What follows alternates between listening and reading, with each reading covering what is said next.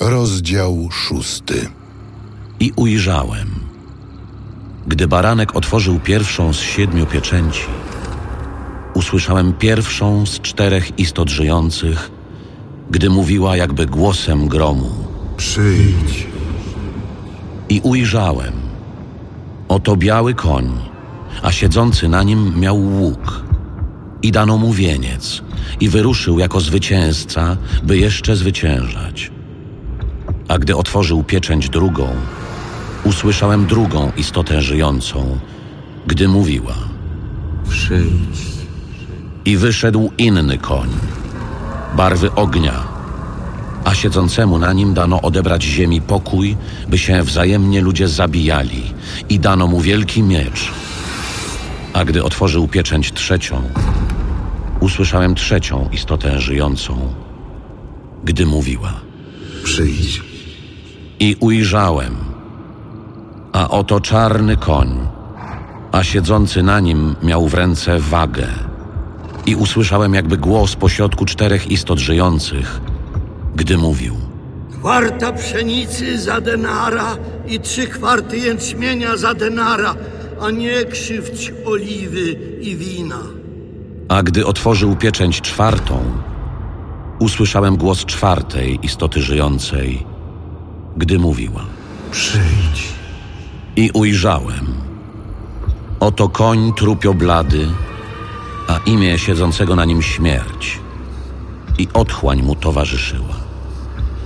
I dano im władzę nad czwartą częścią ziemi, by zabijali mieczem i głodem, i morem, i przez dzikie zwierzęta.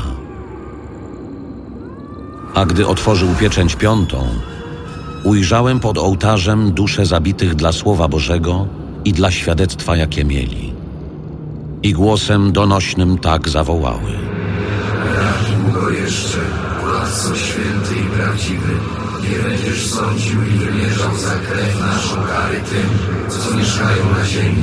I dano każdemu z nich białą szatę. I powiedziano im, by jeszcze krótki czas spokojnie zaczekali, aż się dopełni liczba ich współsług i braci, którzy jak i oni mają być zabici. I ujrzałem, gdy otworzył pieczęć szóstą, nastąpiło wielkie trzęsienie ziemi i słońce stało się czarne jak włosienny wór, a cały księżyc stał się jak krew. I gwiazdy spadły z nieba na ziemię, podobnie jak figowiec wstrząsany silnym wiatrem zrzuca na ziemię niedojrzałe owoce. Niebo zostało usunięte jak księga, którą się zwija, a wszelka góra i wyspa z miejsc swych poruszone. A królowie ziemscy, wielmoże i wodzowie, bogacze i możni i każdy niewolnik oraz wolny ukryli się w jaskiniach i górskich skałach. I mówią do gór i do skał. Spadnijcie na nas i zakryjcie nas przed obliczem zasiadającego na tronie i przed gniewem baranka, bo nadszedł wielki dzień jego gniewu. A któż zdoła się ostać?